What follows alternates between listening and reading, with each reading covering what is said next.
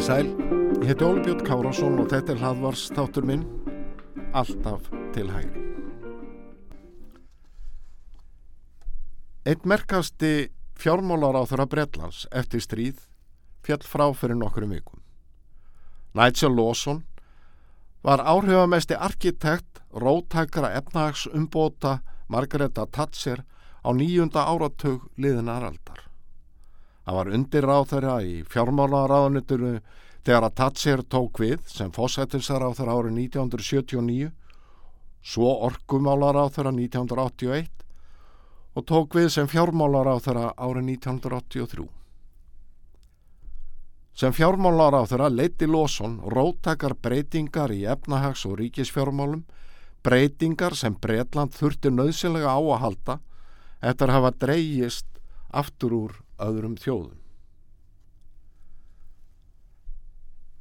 Vinsæl fjármálar á þeirra er ekki að sinna starfi sínu, saði Lawson eitt sinn. Hann var samfarður um að stjórnmálamæður sem var eitt tilbúin til að mæta andúð anstæðingana var í stjórnmálamæður sem gæti láti hlutin að gerast, komið einhverju til leiðar. En sá sem vill breytingar verður að búa sig undir átök.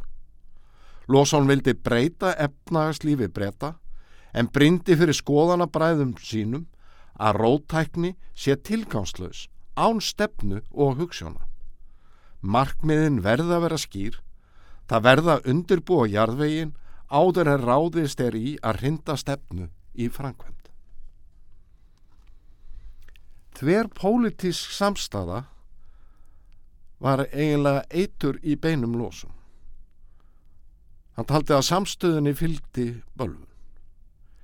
Í ræðu sem hann held í lávarðardeild breska þingsins árið 2012 saðist Lawson hafa langri reynslu í stjórnmálum lært að þegar að allir þrýr flokkarnir á þingi, þar að segja íhalsflokkurinn, verkamannaflokkurinn og frjálslindiflokkurinn, væru samstíga, þá veri stefnan er alltaf raung.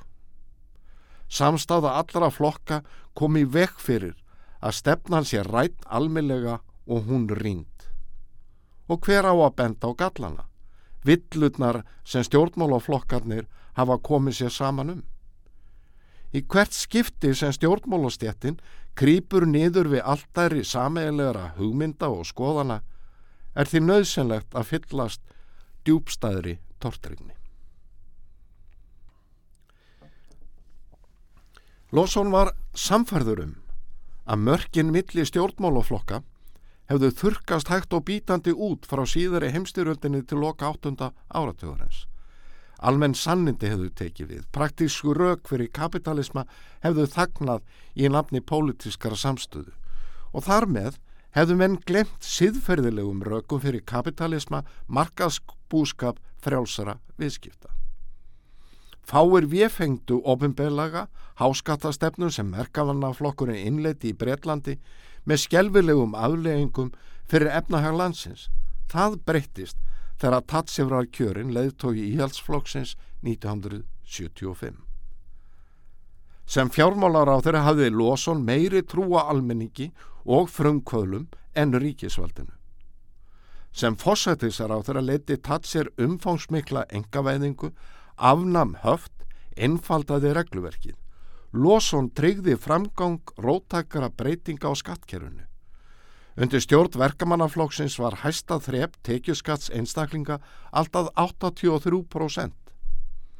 Dennis Healy, fjármálar á þeirra verkamannaflokksins 1974-79 lísti því fjálglega yfir að hann ætlaði sér að skattleggja auðmenn svo angistar óp þeirra muni heyrast. Lóson var samfærðurum að snúa yrði á braut skattpíningar sem hefði leitt Bretland í efnahagslegar ógangur. En fyrst yrði íhalsflokkurinn að vinna heimavennuna. Ekki væri hægt að lækka skatt hlutvöld án þess að koma böndum á útgjöld ríkisins. Aðhalsleysi í ríkisfjármálum myndi óhjákvæmilega leiða aftur til þingri skattheimtu. Sá sem ætli sér að koma á umbótum í skattkerfinu verði fyrst að samfara almenning um að útblási ríkisvald leiði til veikara hagkerfis og verri lífskjara alls almennings. Efnahagslegar umbætur byggja á því að búi sig að undirbúa pólitískan jarðveg. Áratugum síðar lærði Liz Truss þessa einföldu en hörðuleksju þegar hún var gerð afturreika um með áform um skattalækun. Truss var fósettisar á þeirra í aðeins 50 daga. Með aðhaldsamri stefnu í ríkisfjármálum hrindi Lósson umbótum á skattkerfnu í Frankvæmt. Hæsta skattrepp tekjuskatts var lækkað í 40%. Háskattastefnunni var hend út í hafsuga. Tekjuhæstu einstaklingarnir á Breitlandi höfðu flúið land, gest skattalegir útlagar. Frumkvöðlar forðuðust landið og tekjuhæsta 1% greiti aðeins 11% af öllum tekjuskatti á tímu verkamannaflóksins. Eftir skattkerfis breytingarnar sem Lósson hafði fórist um, tvöfaldaði sluteldin. Efsta tekjutíundin hafði á tímum hás tekjuskatts staðið undir um 35% af heildar tekjuskatti. Eftir lækun, skattlutval, fór hlutdelt efstu tíundarinnar upp í 48%. Lawson rendi þannig styrkum stóðum undir það sem John F. Kennedy, fórseti bandaríkjana, lísti sem þversagnakjandum sannleika ríkisfjármála. Lærri skattlutval geta leitt til herri skattekna.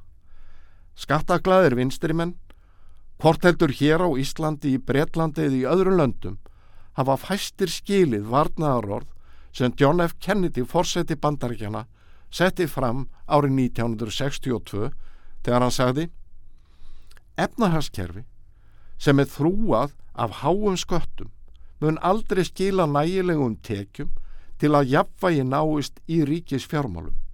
Alveg eins og það mun aldrei búa til nægilegan hagvöst eða nægilega mörg störf. Fáir gerði sér betri grein fyrir því en Lósson að pólitík snýst um að leggja fram stefnu, hugssjónir og vinna raukraðuna. Allt annað er teknokratismi. Okkur hægrimönnum er holdt að hafa þessi innföldu sannindi í huga. Ég þakka þeim sem lítu eða góða stundir.